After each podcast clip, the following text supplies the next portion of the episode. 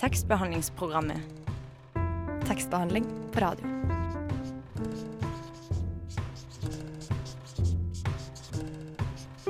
Tekstbehandlingsprogrammet.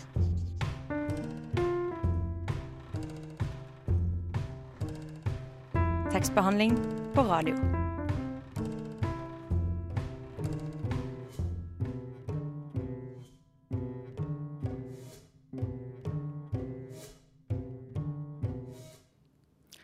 Hei, hei, og velkommen til tekstbehandlingsprogrammets siste sending før sommerferien. I dag så har jeg med meg Marie Vallestad. Hallo. Eh, Vi skal annet snakke litt om sommerlesning. Vi skal snakke om det er noen bøker vi forbinder spesielt godt med sommeren. Hva er egentlig en god sommerbok, og om vi har noen favoritter. Eh, og det har vi. De vi Det gleder jeg meg til å snakke om. Mm. Mhm. Eh, og så skal vi snakke Jeg tenkte litt på Vi har jo kanskje noen gode minner fra semesteret som er gått. Har du det? Ja, eh, må tenke litt på det. Jeg tror jeg har mange. Mm, Vi skal finne våre favorittminner fra våren. De kommer vi tilbake til også. Ja, Men før det så har vi fått besøk av eh, forfatter Tiril Broch Åkre. Hun er aktuell med sin første roman 'Redd Barna'. Men eh, aller, aller først så skal vi ha en låt. Vi skal høre Dele Sosimi med 'Eg og Betta'.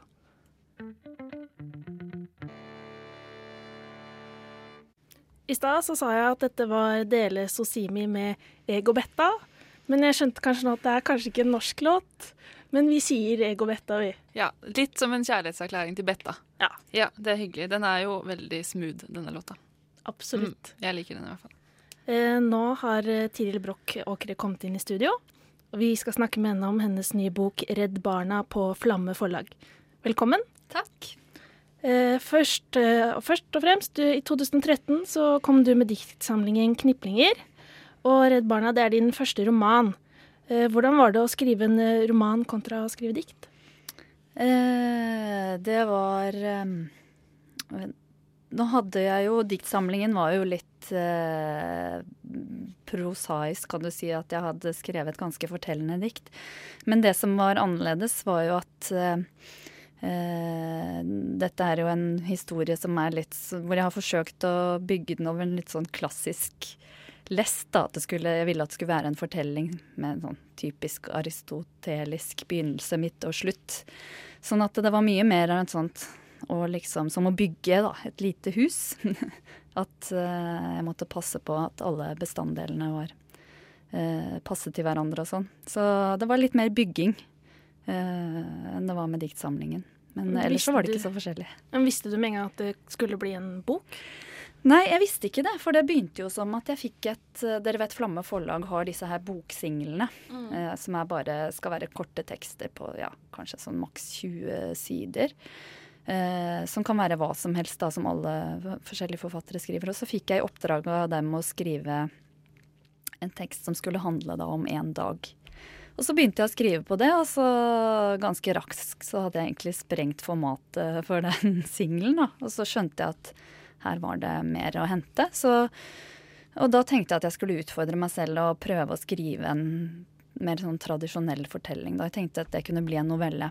Jeg hadde aldri skrevet den typen tekst før som var med dialoger og alt det der som man må ha. Eh, Så det var litt sånn som et eksperiment mens jeg egentlig holdt på å skrive om noe annet. Og så, så derfor hadde, var det litt sånn jeg kunne leke meg og følte litt sånn frihet i forhold til det. Så, så da var det veldig gøy, da. Og så, og så bare vokste det, og så ble det en liten roman, da. Hva handler denne romanen om? Litt sånn kort, Ja. siden den ble så stor plutselig. Ja, øh, den handler om da en dag, en, november, en desemberdag, i en dal på Østlandet i Norge. Og så møter vi da en kvinne, eh, Tanja, med eh, to barn. Eh, og mannen hennes reiser da bort denne dagen. Og så handler det bare om denne dagen og på en måte hverdagslivet. Eh, men vi skjønner da at denne familien har vært utsatt for eh, en stor sorg at de har mistet et barn som er da en tenåringsdatter for ikke så veldig lenge siden. Så de lever på en måte i ettertiden etter denne her tragiske hendelsen, og så og på en måte prøver å stable et hverdagsliv på beina. Og så, I tillegg til det så får hun en telefon fra broren sin som vi skjønner er, eh, sitter i fengsel og har permisjon, og det skaper også en litt sånn urolig stemning denne dagen. Da. Så, så det er på en måte bestanddelene. Og så varer den da bare fra morgen til kveld. Kanskje du kan lese et lite utdrag for oss? Ja.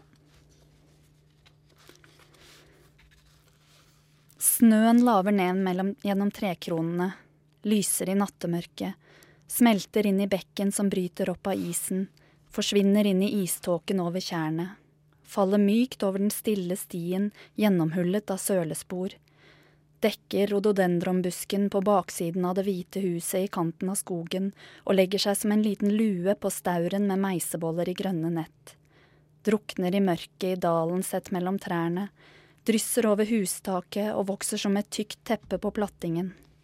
Og så uler toget, som et raut fra et stort dyr, fremkaller bilder fra en annen tid, tropper som rykker frem i dalbunnen, et kongsemne på treski med sverd i et gnistrende urørt snølandskap som en liten tresoldat. Mammut som vandrer, vandrer inn i en nysmeltet dal, og lederen som støter ut i det grønne.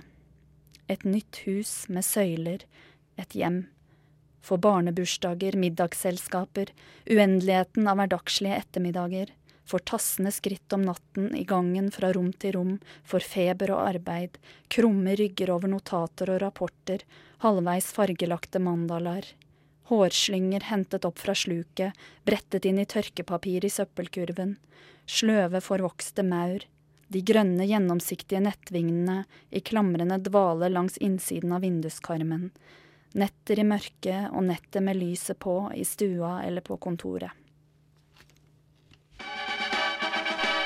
What? Radio nå.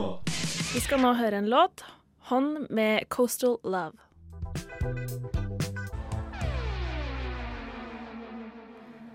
Det var Jakko Eine Kalevi med 'Hushdown', og før låten så leste Tiril et utdrag fra oss. Eh, for et par uker siden så hadde vi besøk av Eivind Hofstad Evjemo, som er redaktør for Signaler, som er en sånn debutantantologi. Og det han sa, da, det var at han mente at veldig mange debutanter i dag har en minimalistisk skrivestil, og at de ofte skriver om temaer som kanskje er litt ubetydelige, da, veldig hverdagslige. Eh, men din eh, roman er jo ikke sånn i det hele tatt. For det første er det et utrolig fint og rikt språk. Så jeg lurte på, kan du fortelle oss litt om hvordan du har arbeidet med språket? Ja, eh, det er litt sånn først plutselig og så omstendelig. Eh, det er sånn at jeg skriver jo først på intuisjon og veldig fort. Eh, for å liksom få noe ned. Bilder og tempo og rytme og sånn.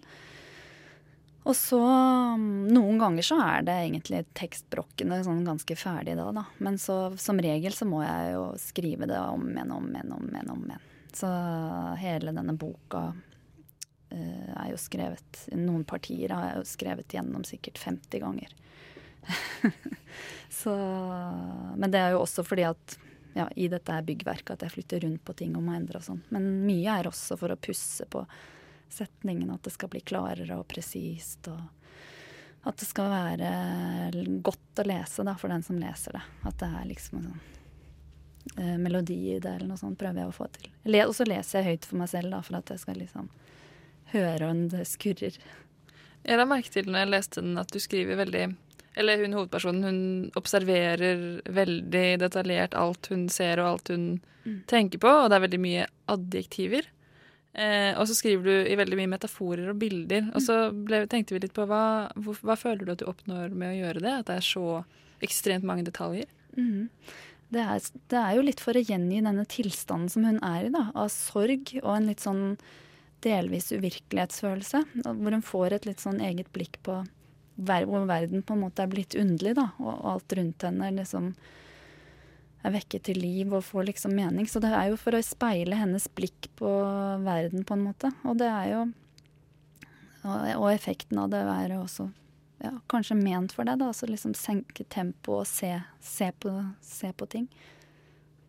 Mm.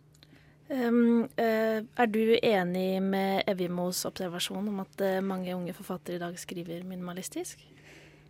Uh, ja, det er ikke noe som har slått meg, altså, så jeg vil ikke si det. Det er ikke noe som jeg har tenkt veldig tydelig på. Men om de skriver minimalistisk og om hverdagsliv Det kan godt hende at det er mye som blir skrevet om hverdagsliv, men om det er minimalistisk, det tør jeg ikke å si, altså. Men, mm. men, mange, men du har jo en mer sånn kretsing om om hverdagslige temaer, eller at det er blitt mer lov å skrive om hverdagslivet, da. Mm. Så det ser vi kanskje mer av. Jeg syns ikke det Jeg syns det er bare fint. Men eh, det må jo være interessant på en måte, da. Mm. Eh, vi tenkte også litt på tittelen 'Redd Barna'. Ja. Eh, hva handler den om? Den handler jo om eh, Den har liksom flere lag, da. Altså eh, jeg leser den jo litt sånn som at den har en ambivalens bare i seg selv i tittelen. Altså at skal, man skal prøve å redde noen barn, men samtidig så ligger det jo i at man er redd barna. Altså redd for barna, eller redd at det skal skje dem noe, eller ja. Så, men uh, det henspeiler jo på eh, Tanja, hovedpersonen, som sier etter 22. juli, så sier hun til mannen sin at vi må flytte fra Oslo, vi må redde barna. Fordi at hun føler kanskje at ja, Oslo, Norge har blitt et utrygt sted. Altså det skjedde jo noe med oss den gangen. At plutselig så ble livet mer utrygt. Og barna utsatt på en annen måte. Vi fikk en bevissthet om det. Og så sier hun det, at vi må redde barna, og så flytter de ut på landet da. Og da tenker hun at ja, hun gjør på en måte alt hun kan for at barna skal være trygge, så, men så likevel så går det jo da galt med den eldste datteren hennes. da. Så den handler jo på en måte om dette her blandingen av at man gjør alt man kan for å ta vare på barna, samtidig så, så må man leve i en type risiko, da, at noe alltid kan gå galt. Vi skal snakke mer om dette, men først så må vi ha en låt.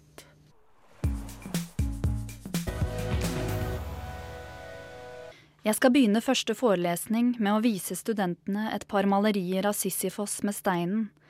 Jeg slår på Mac-en og finner fram filen med bildene. Det første bildet er malt av Tisian. Hans Sisyfos bærer steinen på skuldrene. Han er stor og sterk, musklene buler. Man ser på ham at steinen er tung, men overkommelig bør. Den er ikke for tung for ham. Han klarer det. Det ser ut som et arbeid, og arbeidet har gjort ham sterk. Det er et arbeid han er dyktig til, skapt for, med den store kroppen, armene, hendene. Se nærmere på denne steinen, skal jeg si til studentene og zoome inn på et detaljbilde. Ser dere at den lever?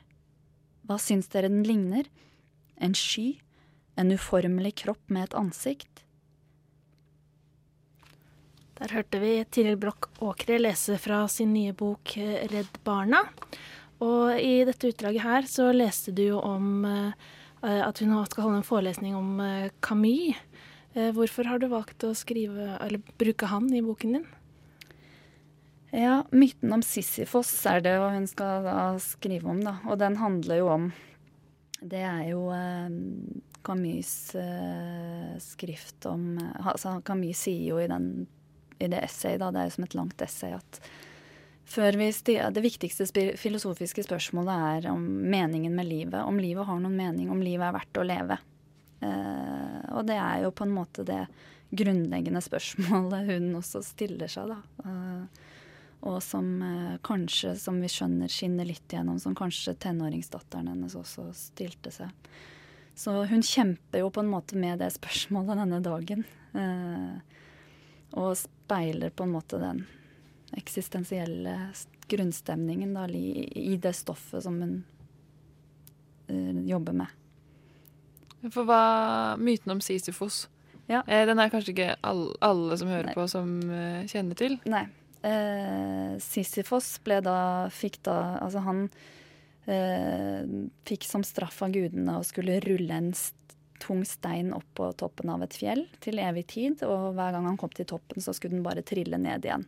Uh, og så måtte han gå ned igjen og trille opp. Og dette var på en måte straffen. Det skulle være den verste straffen som gudene kunne tenke, klekke ut. Så, og det mener da Camus er et bilde på på en måte menneskelivet. da, Altså et evinnelig slit uten mening, uten mål. Men så sier jo Camus da også at Sisyfos er lykkelig. Altså han finner en mening i det den evige oppgaven. Fordi, som Camus sier, at den er hans. Det er hans stein. Det er hans slit. Du kommer litt inn på trass. Ja. Ja.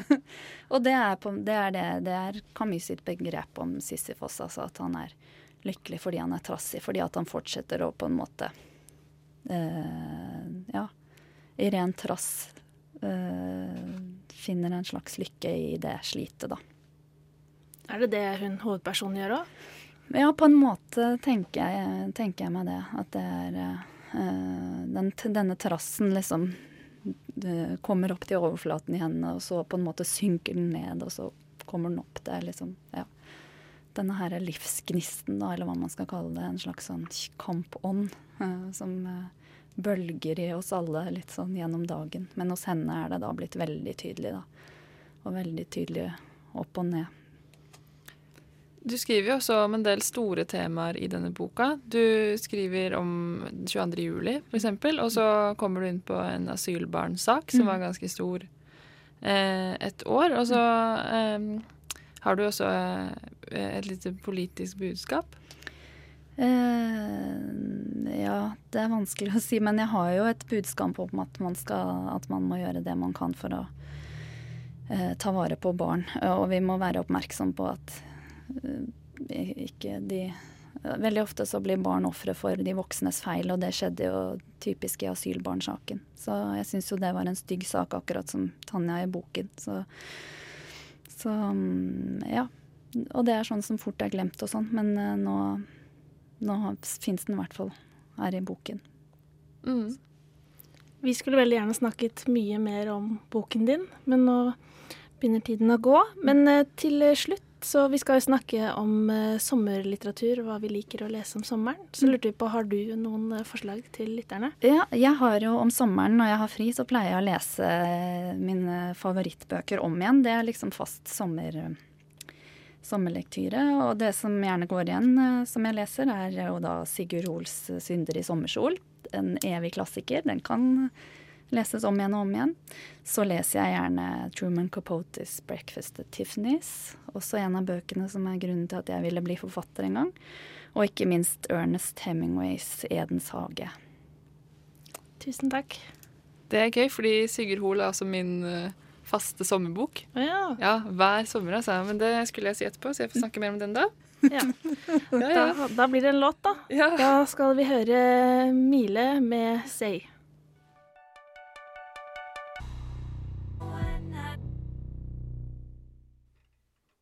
Når du står foran en mikrofon og skal fylle en viss tid, og alle hører på og venter på hva du skal si, og folk som har booka deg, vil sikkert ha valuta for de penga du har fått, som du allerede har brukt opp, i hvert fall litt. Men når du lukker øya og blir stille, er det ikke noe tomrom å fylle gi slipp. Når du kanskje ikke har noe å si, og huet er tomt, og når du prøver å tenke litt, er det sort? Eller kanskje er det hvitt? Når huet glipper, klokka tikker, huden prikker, gi slipp. Når du sitter bakerst i bussen som rister og er lei, og legger huet inn at vinduet med bind for øya, kan du forestille deg samme vei 05-bussen kjører, for du har tråkka avtrykk i gamle stier så mye at du har fått flåttbitt og vil begynne på noe nytt, bare pakke sekken, gå i cockpiten og stikke vekk, gi slipp. Når du er gjennom tredje eller fjerde runde internett har besøkt Dagblad, VG, Aftenposten, Facebook så tett at det ikke rekker å forandre så mye som bitte litt før du har sjekka det ut og du har sett på skjermen til du får rett inn rett inn på netthinna med nettavis dritt, men du tviholder på den jævelen som det var verden i den knuste skjermen, faen, pælmen. Gi slipp. Når et hårstrå faller av, du står der som faen, ta etter å ha dusja og se på det hårete håndkleet og dra hånda gjennom håret og angster for å bli skallet og gammel og nå en alder der ingen dame vil ta i deg med tang mer, og et enkelt hårstrå faller ned foran øyet ditt, og du står der naken og gapende og griper det. Gi slipp. Når Tottenham ikke klarer fjerdeplassen i Premier League for tredje år på rad, og du er fyllesyk og vrak, og Strømsgodset ligger bak og på byen i går, hvis du kan huske det. Det er ikke kødd, du fikk deg ikke så mye som et blikk. Når du ligger under dyna og føler deg som dritt, ikke gi opp da, gi slipp. Når du har stått bak disken i bokhandelen i åtte år og studert ved siden av så godt det går, og hun gamle dama som pleier å handle der, kommer tilbake, og magen rumler for å ha liksom ikke spist hele dagen, og det føles som om navlen din berører ryggraden, og hun gamle dama spør hvor de andre som pleier å jobbe her, er hen, for hun stoler ikke på deg, hun må snakke med noen som kan litt om bøker, og ser på deg som dum og kaller deg for gutt og ung, men du er 23 og kunne vært trebarnsfar, og det er tre år siden fattern din døde, og du føler at du snart har tatt imot nok faenskap til å snart være en mann. Men du svarer sånn Jeg tror det kanskje kommer noen halv to, men jeg har også noen boktips. Jeg tror den boka her er god. Og hun svarer nei, det hjelper ikke meg det, gutt, du må vite. Det hjelper ikke å tro. Og du må holde deg fast i disken for ikke oppover og faen meg smekke dritten ut av bitch-lappet til du whiplasher deg litt, men du står her like høflig, like forbanna. Det er samme. Gi slipp. Når du nettopp er ferdig med trening og ser at du har fått en melding, og at det er fra et navn som kiler i mellomgulvet i forelska spenning, og etter å lese den i endinga og tenker sånn, skal jeg vente med et svar, er det lurt å virke interessert, eller må jeg være litt kostbar, hvor lenge venter man egentlig på å svare på en melding? Spør du deg selv og bruker flere timer på en analyse av det hun skrev, for å komponere et SMS som ligner mer et brev, og nøler med å trykke på send, men greier ikke å vente, for kanskje hun har glemt det, eller er flere sjarmører i innboksen på lur? Hun trykker send allikevel og angrer med en gang. Faen, fitte, jeg skulle drøyd den allikevel og lurer på om hun svarer kvikt, og sjekke mobilen hvert femte minutt resten av dagen, og i tre-fire dager til, ikke plag deg mer, gi slipp. Når du er dritings og ute av deg og trasker aleine hjem i regnet og alle de der greiene, og står og shiner og ringer på på dørterskelen hennes som en dørselger. Et tristere syn enn å onanere til en død elsker mens man ligger i en støvete seng og lager snøengel og ring, ring, ringer på og jamrer. sånn Å, faen i helvete, gud bedre, det fins bare hun her ene, jeg får aldri bedre, og vi vedder på jeg aldri får oppleve kjærligheten mer. Kjære vene, hikk, jeg vil bare leve med henne igjen noe bedre. Klikk, et vindu åpner seg, noen sier stikk hjem og legg deg, jeg mener det, veit hva klokka er.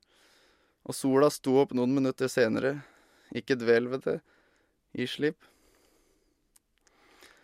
Når venninna til damen du pleide å pule litt på, kommer bort til deg på byen og sier at den ungen du fikk for et par uker siden, veit hun ikke helt hvem faren er, jeg tror hun driter litt i den, nå har hun det så bra med typen, og de har en lykkelig liten amerikansk rosa cupcake-familie på gang, og greit, han er barnefaren, men barnet ligner litt på deg, og du tenker bare faen, se på Drammensfjorden og sjeler og lurer på hva faen du skal gjøre med en baby, barnebedrag og pappahelger, du har ikke penger til et yoghurtbeger, du kan ikke forskjellen på Torbjørn Egner og Turboneger, du kan ikke en dritt, og du har ikke en drittspenn heller, og du blir svimmel, ikke se opp mot himmelen, gi slipp.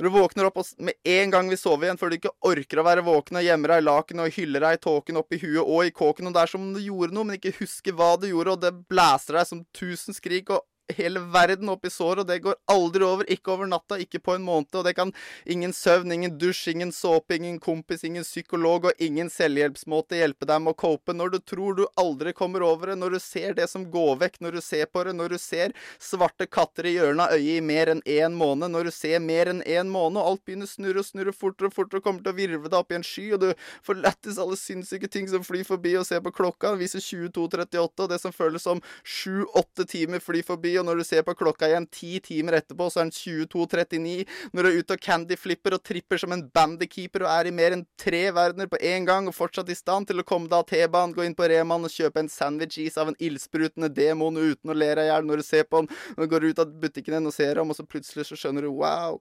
at hele verden snurrer fra deg, du sliter med å holde tritt. Universet, planeten her, en spinner. La deg virvle med. Gi slipp. Når du mindfulness-mediterer og merker og tenker og ryggen verker og du fighter for oppmerksomheten på pusten oppe, men må stoppe fordi du klikker og stikker og haiker til nærmeste landsby og skjønner at du har reist hele verden rundt for å finne svar du ikke fikk, er himmelen bare én centimeter over bakken hele tida. Gi slipp. Når du har levd utallige liv, og dette livet her går mot en ende, og synet forsvinner, blodet renner ut av hendene, og hele hørselen dempes ned og hele ego fragmenteres, løses opp og begynner brenne. Hver bit her er hvert minne, hvert gullstrålende glimt, når alt som er igjen, er et bilde av, av henne. Og du stritter imot alt du kan for å ikke glemme det. Gi slipp. Når du sitter foran skrivebordet og skriver dikt om å gi slipp på liv og døden alt imellom og sånt, og tenker jeg er ikke flink nok eller klok nok til å skrive om det, og gir opp når du ikke begriper ordene. Det er så store, og, og døden er så kort. Og livet er som et dårlig ordtak. Man, man glemmer det alltid bort.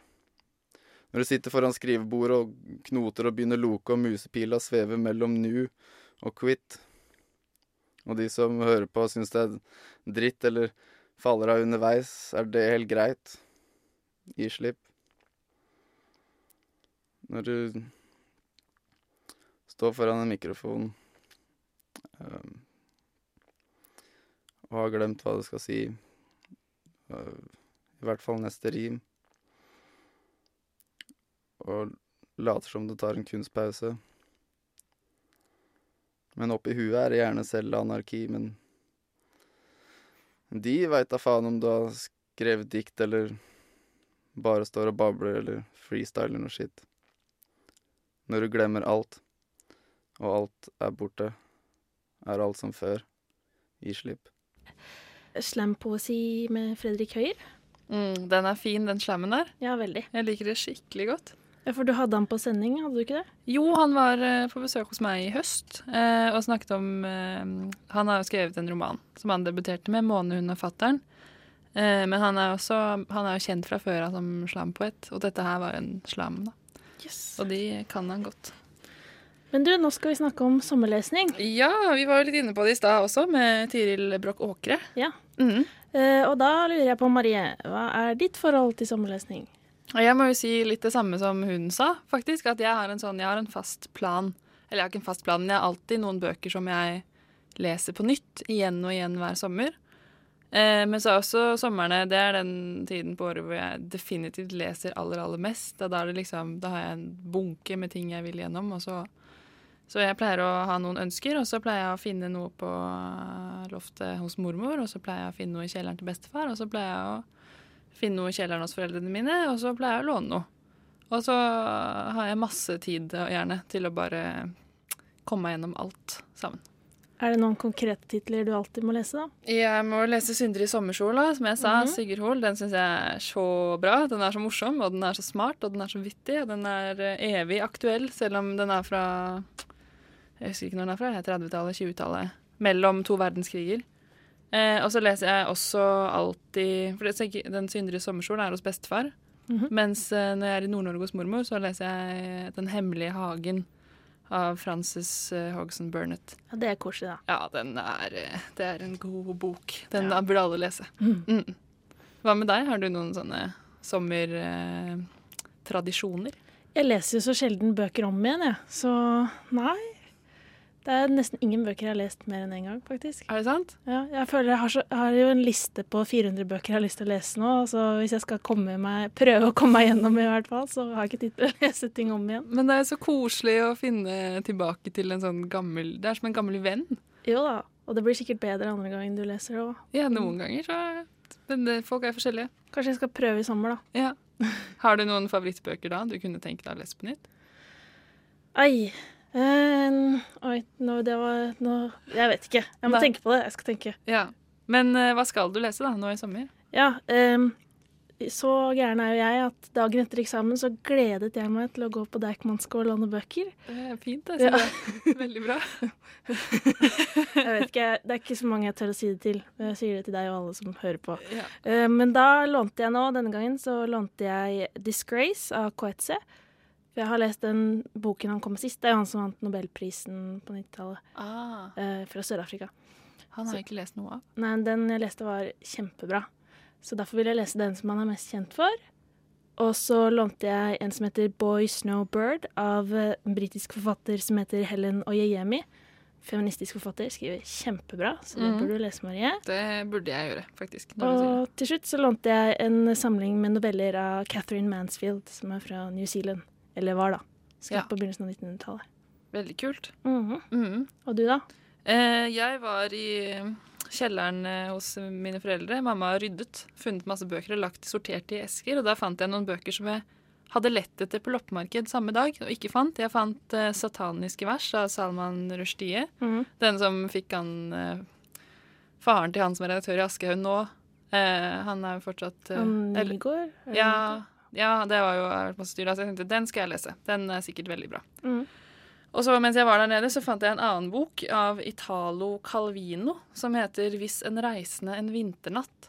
Eh, som virka som en veldig som virka som en veldig spesiell bok, og så virka den litt morsom. Og så når jeg leste om den bakpå, eh, så sto det Så hadde Salman Rushdie en sånn derre 'Dette er verdens beste bok, du må lese den'. Så jeg bare OK, dette er et tegn, jeg tar den med meg hjem. Eh, og så skal jeg lese Henry David Thoreau, den Valden. Liv Ja, i den er kjempefin. Ja, jeg leste nesten Eller jeg leste ganske mye av den i fjor, men så kom livet og tok over da skoleåret begynte, så da Rart det der. Ja, så nå skal jeg lese den på ny, og den er veldig sånn fin sånn på sommeren når det er liksom man er ute og hører vinden i trærne, og så leser Mm. man om liksom naturen. Eh, jeg fikk lyst til å flytte ut en hytte i skogen, jeg også. Alle gjør det når Ja. de leser den. Og det har jeg fortsatt lyst til. Mm. Og så det siste jeg skal snakke om, er um, Og det er også en bok jeg har fått låne som jeg har begynt på, som er en sånn essaybok av en dame som heter Kari Løvaas. Mm. Eh, som heter 'Og de skjønte at de var nakne', eh, om skam og beskyttelse. Eh, og den er veldig interessant. Den eh, tror jeg veldig mange hadde godt av å lese. Mm. Jeg er ikke ferdig med den, men jeg, og den er veldig vanskelig, og mange, jeg har lært mange nye ord. Veldig akademisk, eller? Eh, litt, men, men også veldig liksom Den er veldig sånn reflekterende. Da. Jeg syns den er veldig fin. Mm, så den skal jeg jo lese, da. Hørtes veldig spennende ut. Ja, jeg har mange bøker på planen. Kanskje jeg kan få låne den etter deg, da. Ja, den er ikke min, men jeg tror det går bra. Det ordner seg. Ja. OK, da skal vi ha låt igjen. Da skal vi høre Shamir med 'Head in the Clouds'. Yeah. Shamir med 'Head in the Clouds' var det vi hørte der. Kul låt. Ja. Mhm. Og det var det, det, Marie. Eh, Ja. Så da gjenstår det egentlig bare å ønske alle sammen en god sommerferie, og så høres vi igjen til høsten. Men før vi sier helt ha det bra, så snakket vi om favorittøyeblikk i stad. Ja, nå har vi tenkt litt. Ja. Det har vi. Og eh, vi kom fram til at vi har samme favorittøyeblikk, fordi vi, Mhm. det var jo en sending vi to lagde, hvor vi hadde livesending fra Deichmanske, som vi skal fortsette å ha fast til høsten. Ja. Eh. Klokka ti siste onsdagen i, morgen, i måneden. Mm. Ja. Eh, og på denne sendingen så intervjuet vi Anders Brenno, som har debutert med diktsamlingen sin som heter Vampire Yeah. Eh, ja, har du noe mer å tilføye? Ja, så hadde vi med Szymanski, som er eh, professor i litteraturvitenskap, som snakket om gotiske romaner. Så det var veldig interessant. Vi flettet inn liksom både moderne populærkultur og tradisjonell litteratur, da. Og så var det koselig. De var Det var også veldig koselig. Eh, og hvis man har lyst til å høre den sendingen, så ligger den på Soundcloud. Ja. Ja, helt alt sammen. En time. Hele greia. Mm. OK, da er vi ferdige, da. Ja. Eh, mitt navn er Nora Helseth. Ved siden av meg har jeg hatt Marie Valestad, og tekniker har vært Ida Brenna. Og eh, så skal vi gi en kjempefin låt til slutt til alle dere som er ferdig med eksamen. Ja, nå er det bare å kose seg og ha god sommerferie fra tekstbehandlingsprogrammet. Så vi skal høre Alice Cooper med 'School's Out'.